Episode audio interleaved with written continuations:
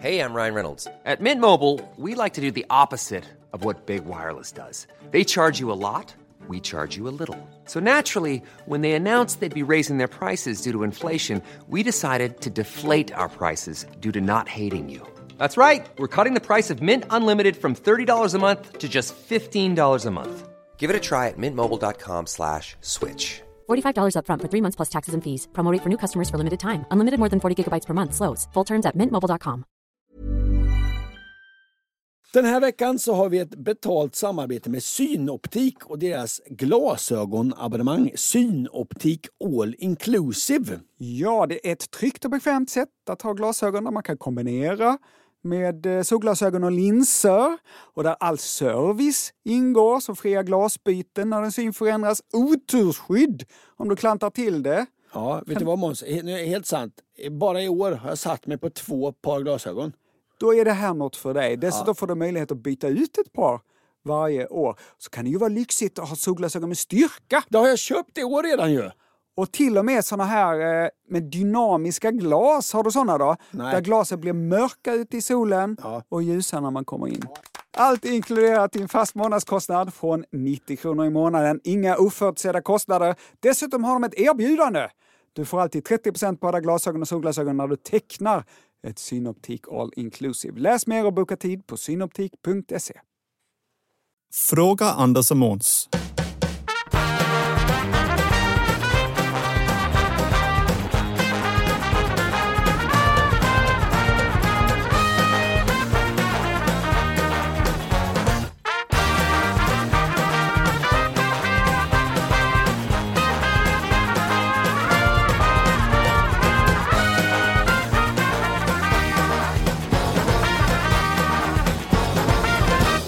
Varmt och hjärtinnerligt välkomna till podden Fråga Anders och Måns. Och idag är Ankan i Stockholm. Jag är i Stockholm, jag, jag är på länk. Du, eh, vad gör du i Stockholm då? Jag är här och hänger med min tjej och är lite ledig efter att jag åkt båt över Atlanten i alldeles för många veckor. Så det är ganska skönt att jag gör nästan ingenting. Eh, Igår, Ha. vet du vad jag gjorde igår?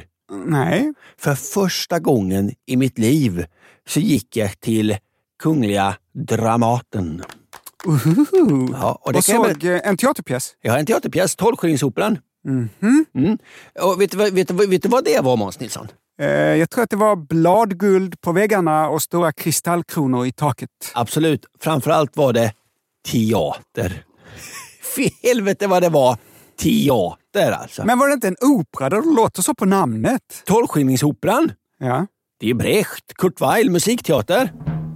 Ut i havet simmar hajen visar tänderna mot dig Okej, men är det en opera eller är det teater då? Ah, det är musikteater. Om det ändå fanns ett ord för musikteater! Ja, nej, det finns, det finns, finns inget ord för musikteater. Annars, det jag har gjort något som jag verkligen, verkligen skäms för. Jaha, intressant. Ja, vi- Kommer vi- du vi ihåg ska vara- förra avsnittet när jag berättade om att jag slog en kille i huvudet på ett café som ett skämt? ja. Det satt, satt långt inne och berättade det där, ska jag säga. ja, fast du, det här är värre. Nej, Jo. det kan det inte vara. Jo, vi, ska, vi ska vara ärliga med en sak Måns. Eh, och redan nu när jag säger den här meningen kommer det göra ont. Men jag Nej. är ju eh, kändis. Just det. Ja, och som du märker, det svider i kroppen när jag säger det. Det var min högsta dröm när jag var 13 att bli kändis, men nu svider det att säga det. Men jag är ju ändå en liten kändis. Du är, topp, du är på topp 100 kändisar i eh, Sverige. ja. Men man hör, Ja. eh, man hör ju sällan kända människor kalla sig själva för kändis, eller hur? Ja, men för att det är skäm, lite skämmigt, va? Det är superskämmigt och nu har jag gjort något som jag skäms för. Jag har nämligen varit kändis. Har du gått på så pre- kändismingelpremiär? Jag vill väldigt gärna se en föreställning här i Stockholm. Då ringde jag min agentur, Nej. alltså de, de, som- de som har hand om mina förhandlingar och sånt och mina kontrakt. Och så sa jag till dem, hjälp mig. kan inte ringa till den teatern och säga att Ankan, kändisen, vill komma. Nej. Och vet du vad som hände? Pinsamt. Vet du vad som Ja, hände, de, de bjöd in dig såklart. Du fick komma på premiären och de fotade dig och så är du med i Svensk Damtidning. Ja. Nej, jag har inte varit där ikväll. Jaha! Ja, men jag har fått ska- biljetter. Ja. ja, det var verkligen pinsamt. Du utnyttjade ditt kändisskap eh, mer än vanligt och på ett extra Ja, pinsamt sätt. Ja, vet du vad Måns? Jag är jätteglad för mina biljetter, men oj samtidigt vad jag skäms. Nu ska vi inte prata om att jag är kändis, vi ska prata om allmänna fakta, fysik, om natur och kultur och sånt som folk undrar över. Det här är nämligen podden vi svarar på lyssnarfrågor och vi ska börja nu.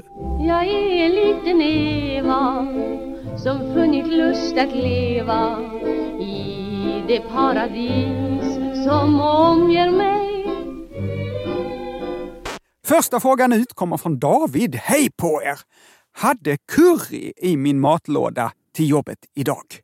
Efter en smaklig måltid fick dosan en färg som såg radioaktiv ut. Och jag fick för mig att gammalt porslin, särskilt rött, kunde vara radioaktivt. Stämmer detta?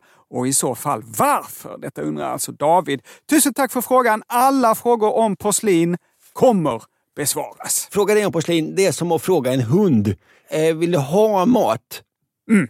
Vill du smaka om min lunch? Om man frågar en hund där, då kommer hunden svara ja tack. Så är det att Precis. fråga en, en, en, om porslin till Måns Nilsson. Ja, eller att fråga Anders Ankan Ankiboy Johansson.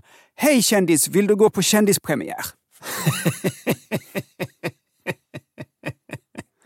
Du David, det finns faktiskt en eh, hel del gamla saker som är radioaktiva och som man kan råka ha hemma i sitt hem.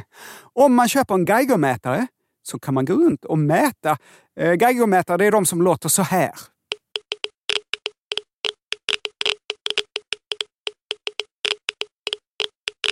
Har du en Geigermätare, Ankan? Nej, jag sitter inte på någon sån. Jag hittade en Geigermätare på loppis en gång och provkörde den. Den funkade och sen så köpte jag den inte och jag ångrar mig än idag. Så himla dumt alltså. Men om jag hade köpt den så är inte porslinsskåpet eh, liksom det första stället i mitt hem som jag hade gått till och kontrollerat. Utan det mest kända exemplet på radioaktiva saker man kan råka ha hemma är allt som är självlysande. Jaha. Om du har en gammal klocka med självlysande visare, en väckarklocka eller ett armbandsur, så är risken stor att de är målade med färg som innehåller radium. Har du hört talas om detta, Ankan? Ja, jag har hört talas om detta och jag såg en dokumentär om Marie Curie och när man upptäckte detta, eh, hur folk satt och målade liksom sådana urtavlor eh, och penslar. De är uppmanade att slicka på penslarna för att de skulle vara tillräckligt vassa eh, och de slickade sig i radium och de dog ju som flugor på, i, i en fönsterkarm sen, alltså de här människorna, i olika cancerogena sjukdomar. Fy fan. Jag har också hört att Marie Curies kläder fortfarande är så radioaktiva så att man får förvara dem i någon slags eh, betonginslutning på museum. Ja. Det är ett dåligt museum där kläderna är bakom betong. Men, eh, men det, det, eh, så det här får man, någon som vet bättre vidimera fakta eller inte. När eh, Sovjetunionen föll ihop i början av 90-talet så började folk sälja gamla ryska militärprylar. Det var bälten och klockor. Kommer du ihåg att det dök upp här i Sverige, Anders? Ja, absolut. Och jag köpte en sån här dykarklocka och den testade jag och den visade sig vara radioaktiv. Och, och, men testade du den när du var på, på loppisen och inte köpte Nej. mätaren? Eller när testade nej, du den? Nej, jag tror jag tog den till, jag var på gymnasiet, jag tror jag tog den till skolan faktiskt. Jaha, Testade ja. Den där. Ja. ja, ja. Men den var nog inte farlig att använda för att liksom boetten eh, skärmar av eh, det här radioaktiva. Men det som jag hörde då var det som du precis berättade, att de som satt och målade de här visarna, att de slickade på penslarna för att de skulle vara liksom spetsiga och att tungorna föll av. Tungorna föll av. Ja. De målade väl inte eh, eh, urtavlorna med, med saltpetersyra? Nej, men eh, med radium ju, radiumfärg. Ja, ja, Det är superdåligt för tungor. ja, ja absolut. På finska strålsäkerhetscentralen så har de undersökt ett armbandsur från 50-talet, alltså eh, bara ett random. Och den självlysande färgen på visarna innehöll mycket riktigt radium och doshastigheten på klockans yta var cirka 8 mikrosievert i timmen. Är det mycket eller lite, Ankan? 8 mikrosievert det är, ju, det är ju långt över gränsvärdet. För, För, ja. för klockor i timmen Ja. i Finland. Nej, men det är ungefär samma dos som att gå till tandläkaren och ta två röntgenbilder av tänderna Ja. i timmen. Ja, det måste vara för mycket. Man måste, att man, man måste som förälder fly rummet varenda gång de ska fotografera munnen på ens barn. Ja, och det är ungefär 100 gånger mer i timmen än den vanliga bakgrundsstrålningen man utsätts för eh, varje dag från rymden och marken. Och så. Allt detta är om jag har räknat rätt. Det kan vi ju inte veta. Så man bör kanske inte tejpa fast den här klockan med glaset in mot pannan och ha den där alltid. Nej, det är ju en lika dålig idé som att gå på ett museum där man ser kläder bakom betong. Ja, för hur länge man exponeras är ju minst lika viktigt, eller är ju lika viktigt som hur radioaktivt en pryl är. Annat självlysande som kan vara radioaktivt är gamla kompasser, mätare, kikarsikten och exit eller sådana här nödutgångsskyltar. Gamla sådana. Jaha. Och en annan sak i hemmet som ofta är radioaktiv än idag är brandvarnare. Jaha. Har du sett det någon gång Anders, att det sitter liksom en eh, varningssymbol för radioaktivitet på din brandvarnare? Nej. Har du inte? Nej, det har jag inte sett. En vanlig brandvarnare är en kombination av en rökdetektor och en siren. Så en vanlig eh, branddetektor känner liksom inte av eh, värme, utan rök. Och så, så finns det två sorters rökdetektorer. Då. Det finns optiska och joniserande, alltså radioaktiva. Och de joniserande funkar så här, jag läser på Kjell Companys sida. Rökdetektorn har en jonisationskammare innehållande en radioaktiv isotop, vanligtvis amerikum 241. I kammaren finns även två separerade elektroder varemellan det inte kan gå någon ström eftersom det bara är luft mellan dem. När detektorn strömförsörjs via batteriet blir dock luften ioniserad tack vare det radioaktiva innehållet och då kan en mycket liten ström gå mellan elektroderna. Då är allt som det ska. Om det däremot skulle komma in rök i ionistionskammaren påverkar strömmen och sirenen drar igång. Så funkar en brandvarnare. Jaha. Känner du till detta Ankan? Detta känner jag såklart inte till. En helt annan fråga. Anders, har du många ädelstenar hemma? Jag tror att jag är helt... Jag, jag, jag, jag tror jag är noll på mitt ädelstenkonto. Jag tror att alla kändisar hade mycket ädelstenar hemma. Men jag är ju inte den typen av kändis. Även ädelstenar kan innehålla små mängder radioaktivt material. Så här står det återigen på finska strålsäkerhetscentralen. Har du, För börjat att- bli, har du börjat bli som mig? Att du vänder dig österut för fakta? Ja, men det är ju så lyxigt att eh, alla finska myndigheter måste ha all sin information, verkar det som, även på svenska. Eh, Så då har vi liksom två ställen att rota på. Ja, ja. Jag Jag hamnar i. Finland hela tiden. Så här skriver de i alla fall. För att åstadkomma ädelstenarnas vackra och djupa färg kan de bestrålas med gammastrålning. Neutronstrålningen skapar radioaktivt material i stenarna. Ädelstenar lagras ofta några månader innan de säljs och då hinner största delen av radioaktiviteten halveras. Men det här är förbjudet idag att göra detta. Ja, ja, ja. På 1920-talet då tillsattes radioaktivt material i vissa konsumentprodukter för Jaha. att eh, man, de skulle ge hälsofördelar. För att de Ja, skulle ja. bli extra nyttiga. Uran, torium och radium användes som tillsats för till exempel hälsodrycker och hudvårdsprodukter. Jaha. Jo, och det är väl något av våra såna här källvatten man köper på flaska som är onion radioaktivt. Är det inte Ramlösa? Nu kan det bli att jag, att jag får Ramlösa brunn på mig. Jag säger nej, nej, nej, nej, nej, men det är något av de där man köper. Ni kan läsa på flaskorna när ni köper. Jag säger inte att det är Ramlösa, men Ja. något av de där vattnen som det står, det är lite, lite radioaktivt det här. Men hur är det då med glas och porslin? Det var ju det som Davids fråga handlade om. Jo, Ja. nu kommer vi till det här. Det finns glas som man nästan kan se på det att det är radioaktivt. Det ser livsfarligt ut. Det är självlysande gult eller självlysande grönt. Och det heter till och med uranglas. Och så här står det i boken om glas från 2005. Citat. Den, den, är, den har du i dina egna samlingar, eller hur? Den har jag- ja, den har jag i hyllan. Här kommer ett fakta som vi inte hittat på internet, utan som vi hittat i dina bokhyllor. Exakt, så här står det. Citat. Hälsovådligt. Uranoxid användes som färgmedel innan man kommit på risken med radioaktivitet. Men det är inte så farligt som det låter i den här boken. Så här står det på Finska strålsäkerhetscentralen. Den yttre strålningen från uranglas skiljer sig vanligtvis inte från bakgrundsstrålningen. Men genom att hantera glasföremål kan man utsätta sig för en liten mängd betastrålning genom huden. Så man kan alltså ha eh, uranglas hemma och titta på det på avstånd, men man ska inte pilla på det så mycket. Och det rekommenderas inte att man har livsmedelsförvaring i sånt här glas. Nej, men ännu en, en sak som man inte ska tejpa i pannan. Exakt.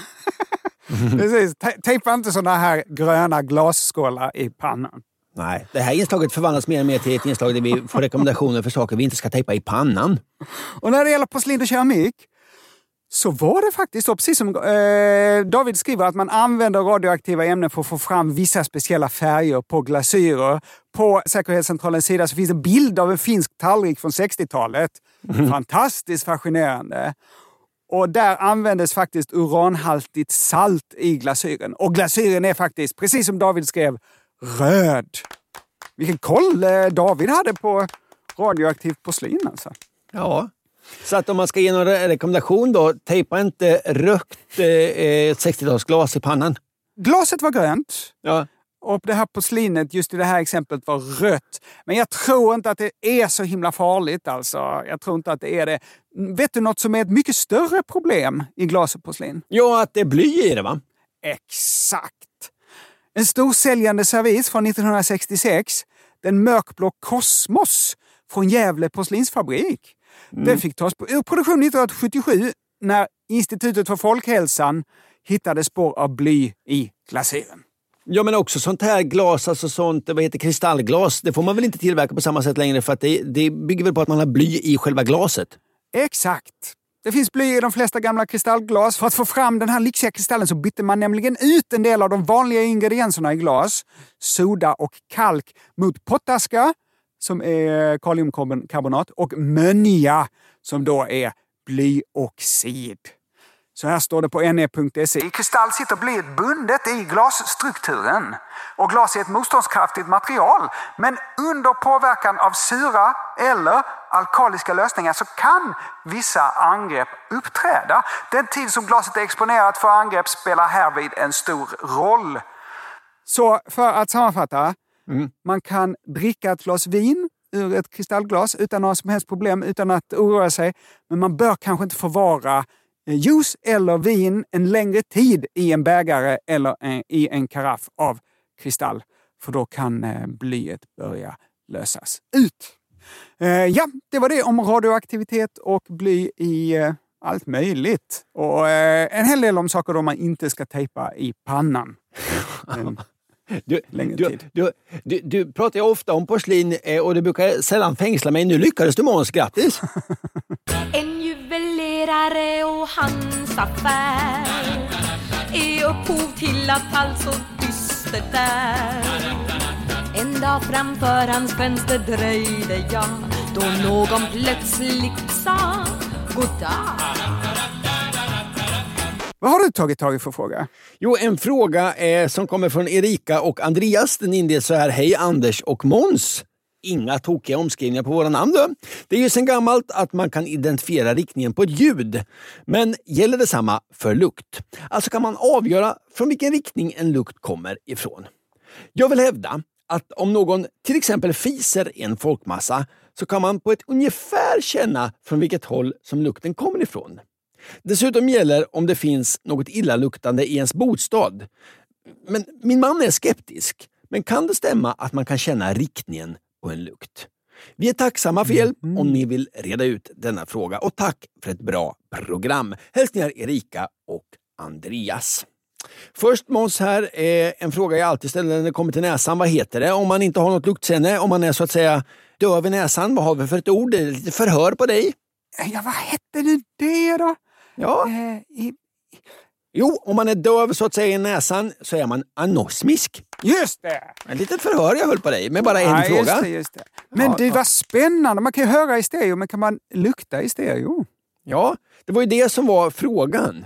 Är det med doft eh, som det är med liksom dubbla öron kan vi räkna ut var en doft kommer ifrån. Vi har ju två näsborrar och eh, det vore ju onödigt att ha det om man inte kan så att säga lukta i stereo. Och här vill man ju gärna dra Jesper Rönndahls gamla geniala skämt. Varför har man två näsborrar? Jo, för annars och poängen får ni ringa och fråga honom om. Frågan är alltså, kan man lukta i stereo? Exakt den här Men, men, frågan. det, men det, det, förlåt Anders. Ja. Alltså det finns ju en anledning eh, till att vi har två näsborrar. Jaha. Och det är ju att eh, den ena är ju täppt nästan jämt. Då är det ju bra att ha en till. Ja, men den ena är ju täppt för att de eh, t- turas om. De jobbar i skift, ja. Det har vi pratat om många gånger. Ja, jag har för mig att det var 15 minuter, men det där kommer många höra av sig. Nej, ni har sagt att det var något annat, men jag tror att att de byter var 15 minut.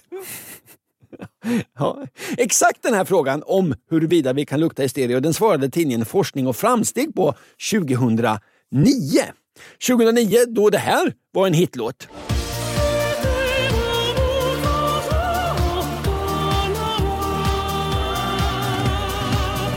Så här skriver hur som helst tidningen Forskning och framsteg. Att orientera sig med luktsinne det är vanligt i djurriket. Men djur som söker sig fram med doft de eh, jobbar mer med att identifiera var en lukt så att säga är starkast. Alltså de flyttar omkring sig och rör på huvudet. En hund till exempel som spårar, den kastar ju huvudet åt sidan hela tiden. Alltså man känner inte var eh, lukten kommer ifrån utan man känner var, åt vilket håll lukten är starkare eh, respektive svagare. Förstår du? Alltså om den är starkare på ett visst eh, håll så borde det vara där den kommer ifrån. Ju.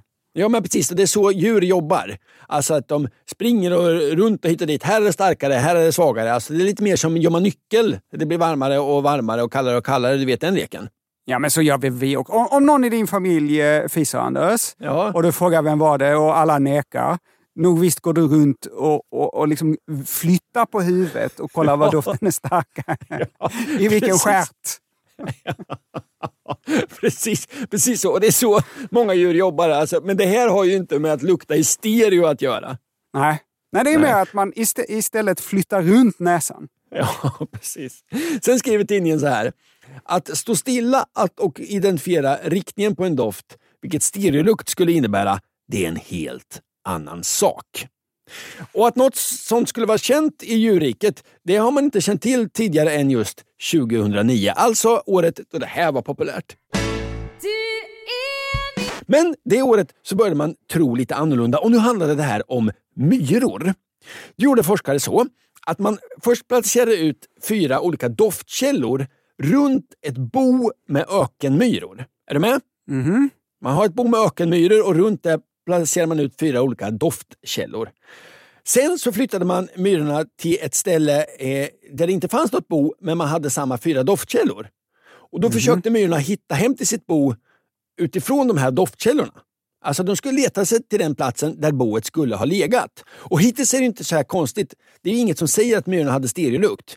De springer omkring myror på samma sätt som en hund viftar med huvudet. Ja, ja. Men, visade det sen, myrorna var mycket sämre på att hitta det stället där bon skulle ha, ha, boet skulle ha legat om det var så att man avlägsnade en av myrornas två luktantenner. Nej, men, vad taskigt. Men det här visar då att myrorna eh, på något sätt hade lite stereoluktsinne. Ja, men det, det, om de har två luktantenner som sitter separat, som sitter skilda åt, då är det ju som att de har två näsor. Då är det klart att de kan eh, lukta i stereo. Men vi har ju bara en näsa på mitten. Ja, men vi har ju ändå två näsborrar. Jo, men de går ju ihop eh, bara fem centimeter in, va? Eller? Ja, ja, ja, vi återvänder till det här. Att myror då på något sätt eventuellt skulle ha stereolukt, det säger ju som du påpekar Måns inte att vi också har det. Det finns ju stora skillnader mellan myror och människor. Ja, men det finns det. Ja, det är kan ingen storlek. sticka under stol med. Ja. Ja. Eh, storlek skiljer det. Effektivitet. Ja. Familjebildning. Ja, ja, ja. Hela det sociala livet. Ja, ja. Eh, människor har ju ofta på sig mysbyxor. Det finns många likheter också. Vi gillar ju tacos, gillar säkert myror också. Ja. Myror har ju en tredelad kropp, det har ju inte vi. Mm, nej. Nej, det finns många, många skillnader. På, myror har ju många ben. Eh, eh, människor har ju regler för hur man gör med våtrum. Det har ju inte myror. Alltså inte, kanske inte nedskrivna, men de har säkert eh, Nej. Alltså, en typ av regler som har utvecklats över tid. Ja. My, myror pratar ju inte nämnvärt, alltså med munnen på det sättet. Nej, nej, de kommunicerar på annat sätt. Ja, vi hade kunnat fortsätta hur länge som helst En, med sak som, skillnader. en annan sak som skiljer myror och människor, det är att eh, människor, vid flesta tillfällen så har vi ju förhöjd häl på eh, människor som identifierar sig som kvinnor. Alltså att de använder pumps, Ja, högklackat. Nej. Myror har ju inte jeans. Nej, nej, nej, det finns, de, de är väldigt sällan bjudna på kändispremiärer. Det finns många, många skillnader. Ja. Ta Eh, med dig en myra på den där premiären. Ja, hittills vet vi alltså att myror har eventuellt lite stereolukt. Det säger väldigt lite om oss människor, det är det jag försöker komma fram till. Ja. Men 2013, då kom det nya stereoluktsnyheter. 2013, då alla ville höra den här låten. Jag önskar jag stannat, jag skulle blivit kvar Nu gällde det inte myror då, utan ett mer människoliknande djur. Och jag läser den vetenskapliga tidskriften Nature Communications. Förmågan att upptäcka varifrån en doft kommer beror till stor del på att näsborrarna sitter en bit ifrån varandra och doftar i stereo. Det här visar en ny studie på mullvadar. Aha. Det är ju inte ett jättemänniskolikt djur, mullvaden, men, men det är ju mer likt en människa. Ja, men det är ett Det är ju- däggdjur. Ja, det är ju fortfarande stora skillnader. Mullvadar gräver ju gångar under gräsmattor och, och äter daggmask. Och det är klart att det finns människor som gör även det, men det är ju inte vad som definierar oss som art. Nåväl, det är precis som du säger, vi är båda däggdjur. Ja. Och det- Mullvadar har ju likheter med myror. Alltså att de båda lever under jord. Ja, absolut. Och det gör ju inte människor. Så på vissa sätt är ju mullvadarna mer likna lik myror. Ja, ja, ja. Men det är ändå är vi är överens om ett mer människolikt djur. Det är, En amerikan- myror, ja. Ja, det är amerikanska forskare som har testat mullvadars, mull- mullvadars förmåga att navigera med doftsinnet. Då. Bland annat så testade man att proppa igen höger eller vänster näsborre samtidigt som man lockade med väldoftade och aptitretande daggmaskar. Och med förvånansvärd tydlighet så påverkade det här mullvadarnas navigeringsförmåga. Alltså om man ploppar igen vänster näsborre, då letade de efter maten mycket till höger. Om man ploppade igen höger näsborre, då, då, då, då drog de sig konsekvent till vänster. Ja. Att vara den här personen som ska sätta fet vadd i, nä i näsborrarna på en mullvad. Men då ska du höra fortsättningen. Forskarna testade också att sätta in böjda rör i mullvadarnas näsborrar. Nej. Som gjorde att höger näsborre fick känna doften från vänster och vänster näsborre doften Ah. från höger. Lurigt. Ja, och då skriver man i, i, i den här eh, tidskriften Detta förvirrade mullvadarna totalt. det här är ju jättetaskigt. Glenn Svensson är forskare i funktionell zoologi på Lunds universitet och han har läst den här rapporten och han säger så här. Resultaten är mycket rimliga. Sen säger han, och det här tycker jag är ganska skoj, det är en elegant studie. Man stoppar böjda rör i, i, i näsborrarna på mullvadar. Det tycker Glenn är elegant. Sen säger den här forskaren för Lund att han tror att det här är en grundläggande biologisk funktion som återfinns hos fler däggdjur. Och vi Måns är ju som sagt ett däggdjur. Vi har två näsborrar. Kanske har vi stereolukt. Men Glenn säger vidare här. Hur väl det här gäller på människor det är svårare att säga eftersom vi använder vår syn och hörsel mycket mer än luktsinnet för att orientera oss. Det här var 2013. Nu ska vi hoppa fram till 2020. Året då det här var en hit. Men jag kan inte vara i samma rum som dig utan att jag tappar andan Och nu läser jag på sidan neuroscience.com. Citat. Humans navigate with stereo olfacation. Olfication. Ja, olfacation, det fick jag googla, det betyder doft. Alltså människor navigerar med doft. Och källan till den här artikeln det är Chinese Academy of Science. Och summeringen låter Findings suggest humans have a stereo sense of smell that's, that guides navigation. Ja! Ja. Wow. Alltså, alltså även människor har två separata näsgångar. Och jag läser. En ny studie utförd av doktoranden Wu Yuli och hans kollegor vid Institutet för psykologi vid den kinesiska vetenskapsakademin hävdar att vi har stereolukt. Och sen är texten extremt svår att förstå. Men jag läser ändå. Jaha. Wu och hans kollegor introducerade olika nivåer av binär koncentrationsskillnad till, till ett kursbedömningsparadigm baserat på ett optiskt flöde och där har de tappat mig. Sen fortsätter det. En unik typ av visuell stimulans som fångade mönstret av skenbar rörelse av ytelement i en visuell scen och introducerade illusa, illusot, illusatoriska känslan av självrörelse hos stationära observatörer.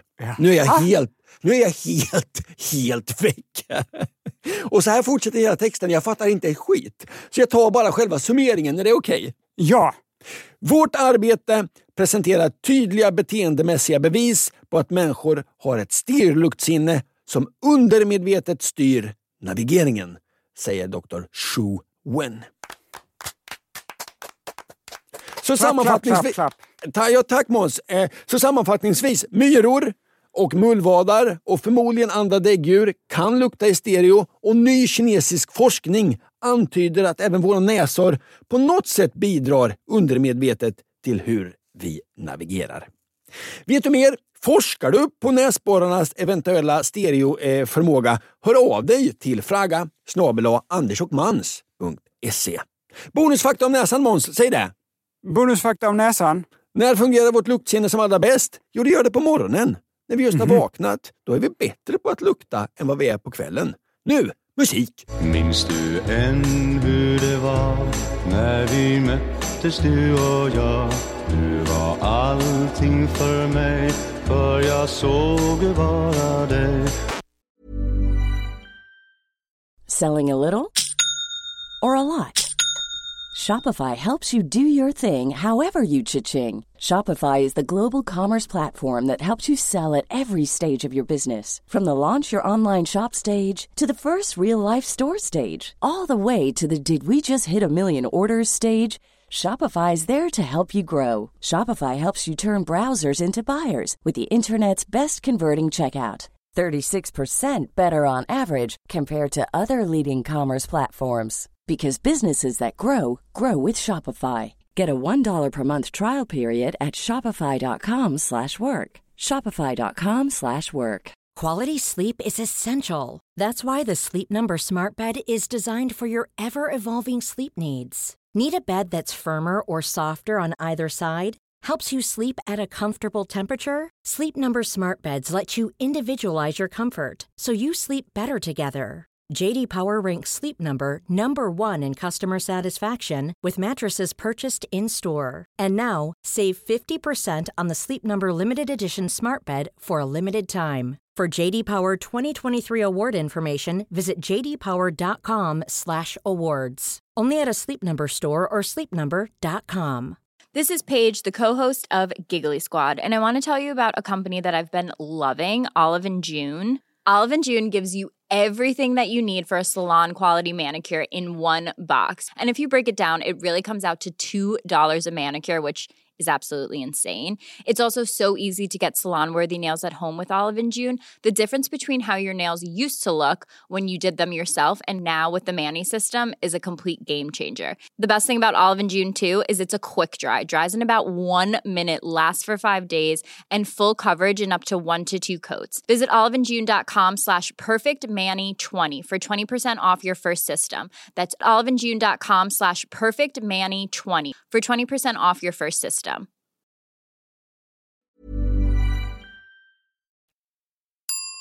Som vanligt Måns så har vi pratat om saker och sen har vi pratat om saker som folk vill lägga sig i lite därför att vi kanske eventuellt har haft lite fel. Det är dags för återkoppling. Pling, pling, pling, pling. Åter, åter. Återkoppling. Åter, pling, pling.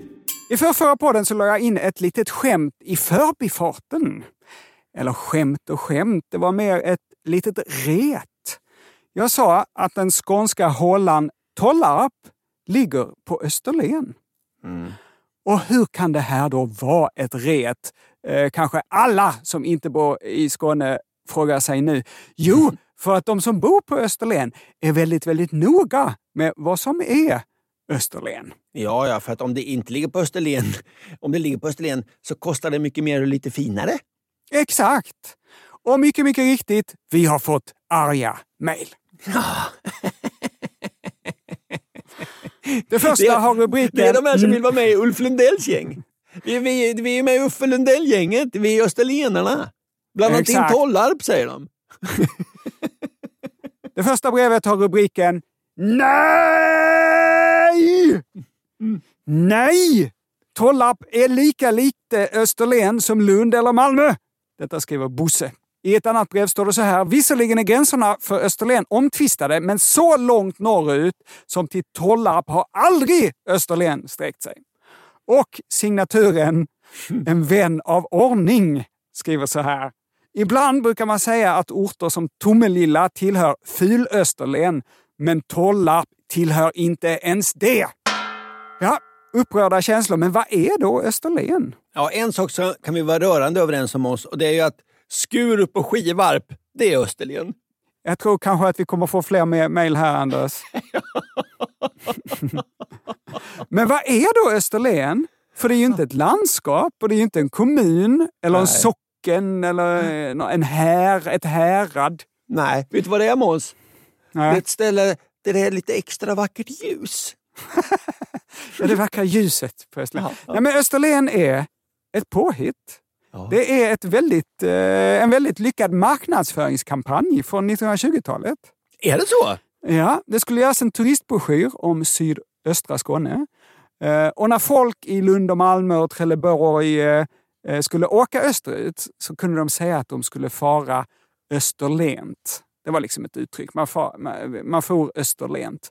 Och redaktören för Simrishamnsbladet, John Osterman och Theodor Tuvesson som var någon eh, lokalhistoriker och poet och eventuellt författaren Fritiof Nilsson Piraten. Allt med honom måste man ta med en nypa salt. De satte sig ner och plockade upp det här uttrycket då att fara österlent och gav turistbroschyren namnet Till Österlen vill jag fara. Och där alltså eh, satte de namnet. Och det blev poppis, det satte sig, det eh, bl- blev ett memme. Det blev ett varumärke, vackra Österlen. Och problemet är då bara att eh, exakt vad Österlen är, liksom var gränserna går, aldrig riktigt bestämdes. Om du frågar någon som bor i Simrishamn så säger de då att det är Simrishamns och Tomelilla kommun samt vissa delar av Ystad, Ystad kommun, men inte Ystad. Och, men om du läser de mäklarannonser, då eh, kan det vara halva Skåne som är Österlen. Vilket då retar vissa. Och där, därav så här starka känslor. Ja, ja. Men, men det vi kan vara överens om är att Skurup och Skivarp är Österlen. Det kan vi vara helt säkra på i alla fall. Ja, absolut. Precis. Mm. Och, eh, Att det är lite då hjärtat Sjöbo. av... Ja, Sjöbo, ja. Sjöbo är lite hjärtat, hjärtat. av Österlen. Exakt. Men då Anders, finns det fler sådana här delar av Sverige som har fått ett namn som de inte heter formellt? Eh, ja, absolut. Eh, Listerlandet kanske? List i Blekinge va? Ja. Just det, det, det kan inte, Ah. den halvön kanske inte heter så på riktigt. Nej, det vet jag inte. Nej, Höga Kusten i Ångermanland Ja, just det. kanske också är ett sånt här exempel. Om du som lyssnar vet, skriv till oss och tipsa på fråga andersochmans.se. För förra veckan så pratade jag om varför vi har mönster på fingrarna, det vill säga fingeravtryck. Det minns du Måns va? Just det. Många har hört av sig i ämnet ruta eller tuta och detta mejl får exemplifiera. Hallå! Att Anders inte förstår vad som menas med tuta tyckte jag först var lite skoj. När sedan Måns inte heller fattar börjar jag bli orolig. Det är såklart en fingertuta som avses. Alltså en sån man kan ha för att skydda ett skadat finger till exempel.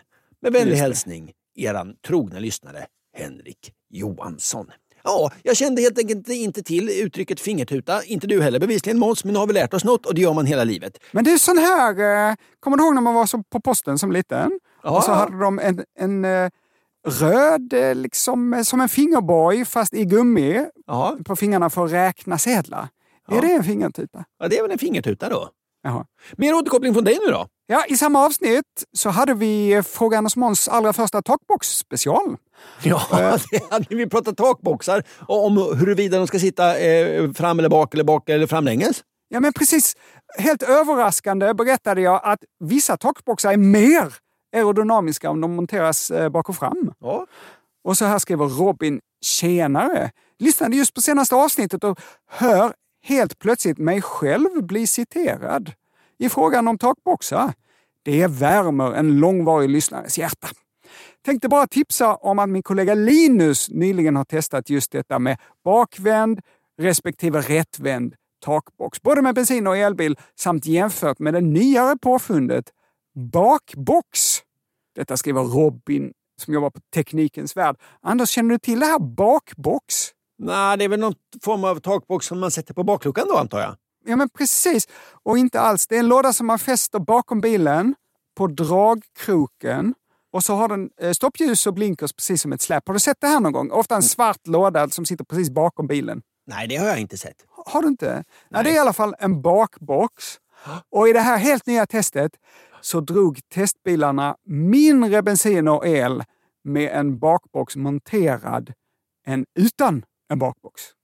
Ja, alltså, så, så, om, om jag åker bil, bara helt vanlig bil, ja. så drar, drar den sig en liter milen. Jag bara hittar mm. på en siffra. Mm. Och om jag sätter på en bakbox så drar den kanske 0,98. Ja, ja. Så bakbox verkar alltså ännu bättre eh, än att montera sin takbox bak och fram på bilen. Ja, det är jag som köper en bakbox redan imorgon. I förra avsnittet så pratade jag också om eh, bokstäverna Z, Z, Z, Z och snarkning. Fått ett kul brev i det ärendet. Hej! När ni pratade om skrivsättet Z, Z, Z och snarkande så nämndes den tecknade serien The Katzenjammer Kids. I Sverige hette serien, vet du Måns? Knoll och Tott. Rätt! Ett namn som mer eller mindre blev ett begrepp, kanske kändare än själva serien. Jag tror ja, men idag... Det kunde vara så att eh, om man såg eh, två, två smutsiga syskon så kunde man kalla dem Knoll och Tott. Ja, så här fortsätter Anders. Jag tror att man än idag, om man råkar på ett skojfriskt radarpar, kan kalla dem Knoll och Tott. Ah, nu, kommer vi få, nu kommer vi få många mejl som börjar Hej Knoll och Tott! Ja, det är vi glada för såklart.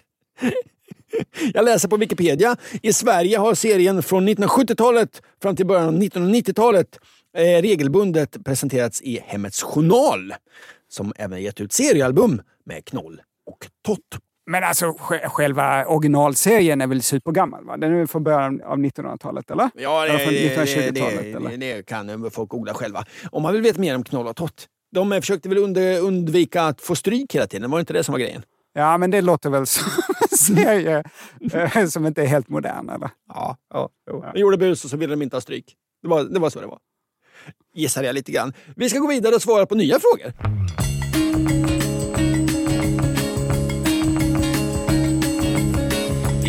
Under musiken så googlade jag Knoll och Tottankan och eh, det anses vara världens näst äldsta tecknade serie. Den skapades av uh, Rudolf Dirks och startade i New York Journal år 1897 redan. Ja, men vilken är den äldsta då? Ja, Sablas, häng kvar, häng kvar. Måste... vilken är den äldsta? Jag får lägga in pausmusik här nu. Du och jag, du och jag, du och jag möts en dag. Ja, det finns lite olika besked här, men eh, jag läser en artikel att eh, inte är en amerikansk eller en europeisk serietidning utan en japansk. År 1775 redan så eh, publicerades eh, den tecknade serien Master Flashgolds Splendiferous Dream. Det är en eh, berättelse om en fattig, lågrankad samuraj som reser ja. från den japanska landsbygden till Tokyo för att hitta ja. ett bättre jobb. Vad jobbar han som? Samuraj, sa jag. ja. Jo, men hans nya bättre jobb, vad är det? På väg till staden tar han en tupplur och drömmer om geishor, ja. kurtisaner och ett liv fyllt av lyx. Det låter inte helt barn, eh, barnvänligt, den här första tecknade serien från 1775. Nej, vuxenserie.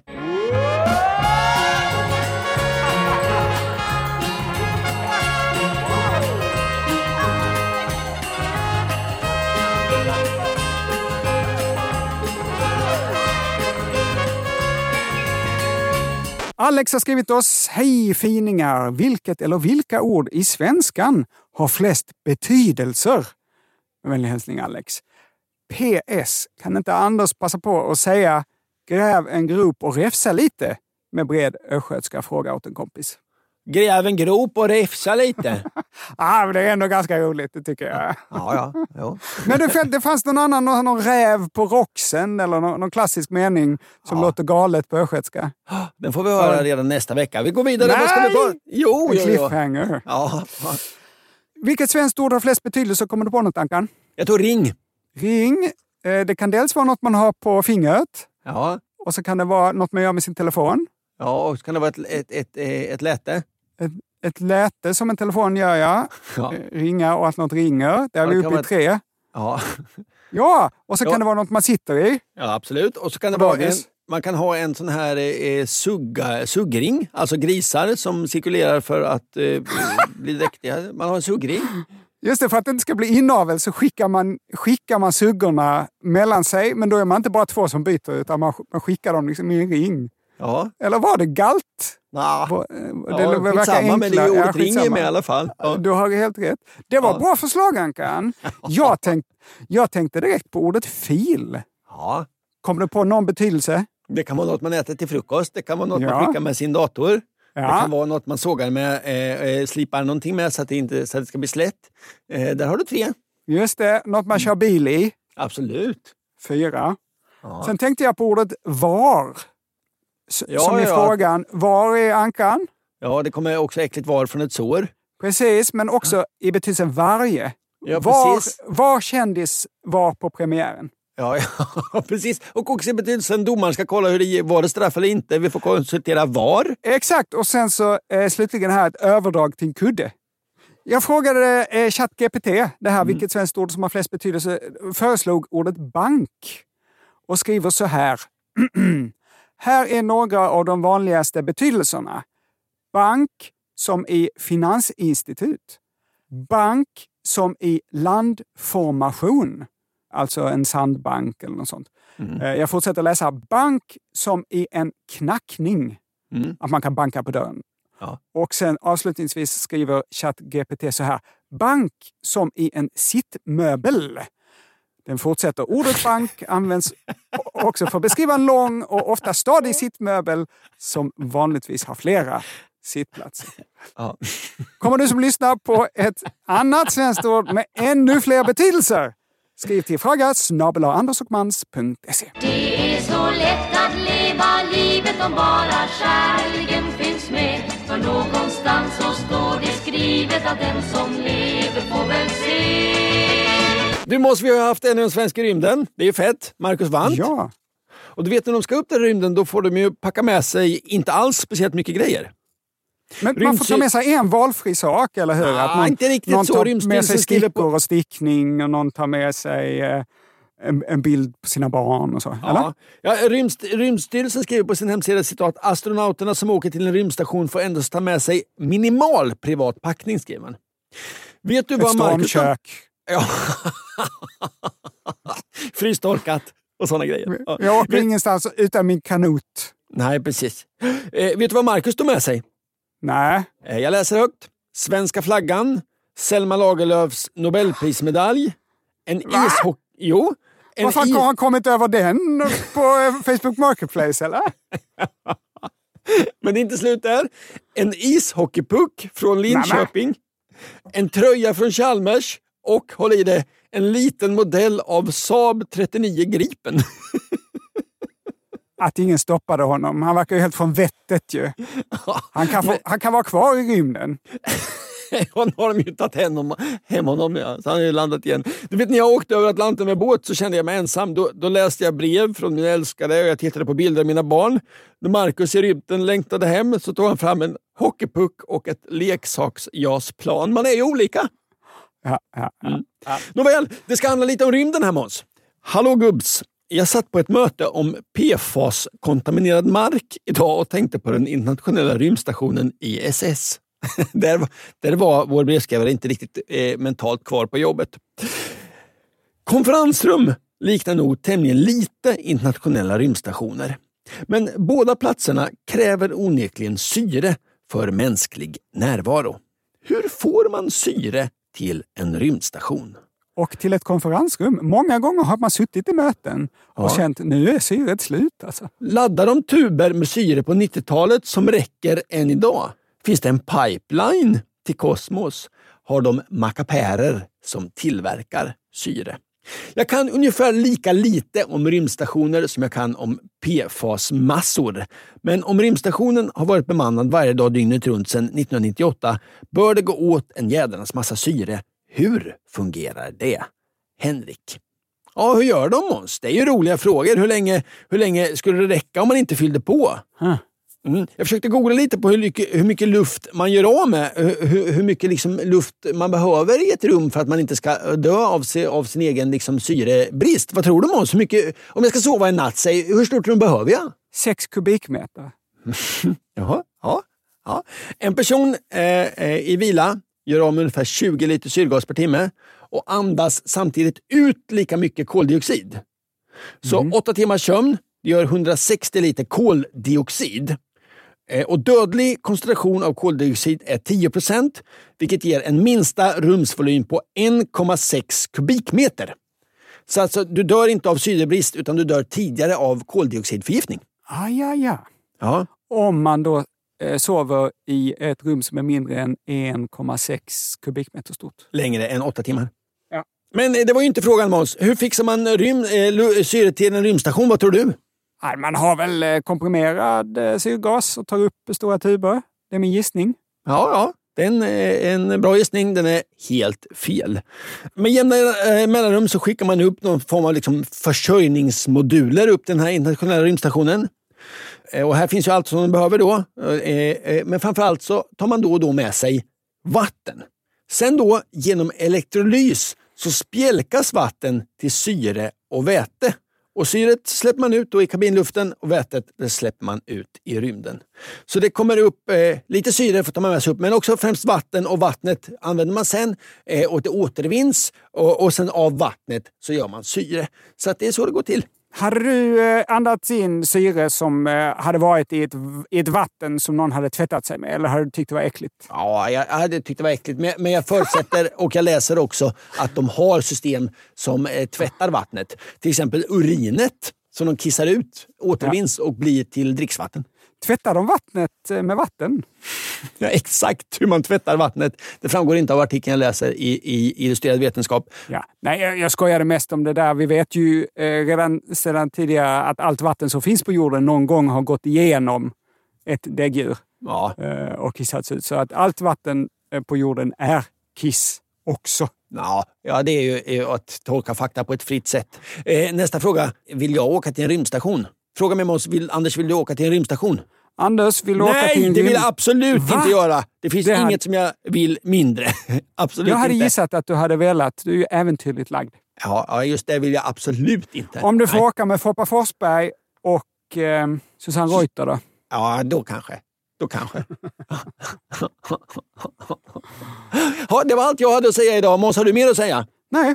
Nej, då säger vi väl tack för den här veckan. Skriv gärna fler frågor till fraga andersochmans.se så svarar vi på dem om vi väljer en av dem. Vi hörs igen redan nästa vecka för nästa vecka. Tills dess, ha det så bra! Puss och kram! Hej då!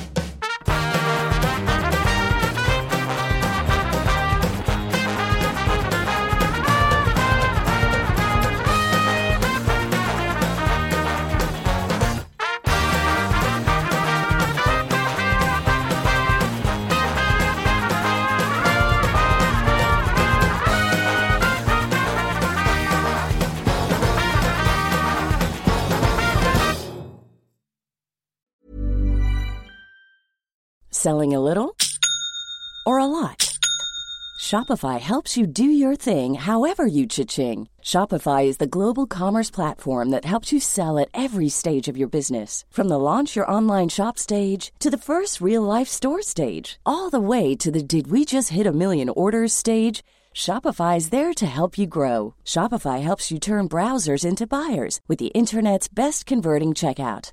36% better on average compared to other leading commerce platforms because businesses that grow grow with Shopify. Get a $1 per month trial period at shopify.com/work. shopify.com/work. Mom deserves the best, and there's no better place to shop for Mother's Day than Whole Foods Market. They're your destination for unbeatable savings, from premium gifts to show-stopping flowers and irresistible desserts. Start by saving 33% with Prime on all body care and candles. Then get a 15-stem bunch of tulips for just $9.99 each with Prime. Round out Mom's menu with festive rosé, irresistible berry chantilly cake, and more special treats. Come celebrate Mother's Day at Whole Foods Market. Planning for your next trip?